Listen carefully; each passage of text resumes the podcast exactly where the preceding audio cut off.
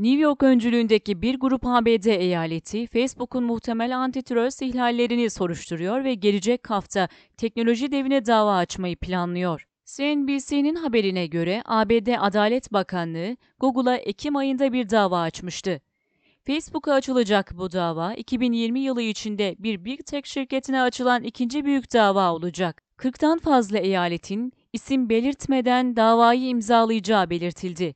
Henüz davacıların şikayetlerine neleri dahil edeceği bilinmiyor ve Facebook'tan konuyla ilgili herhangi bir açıklama yapılmış değil.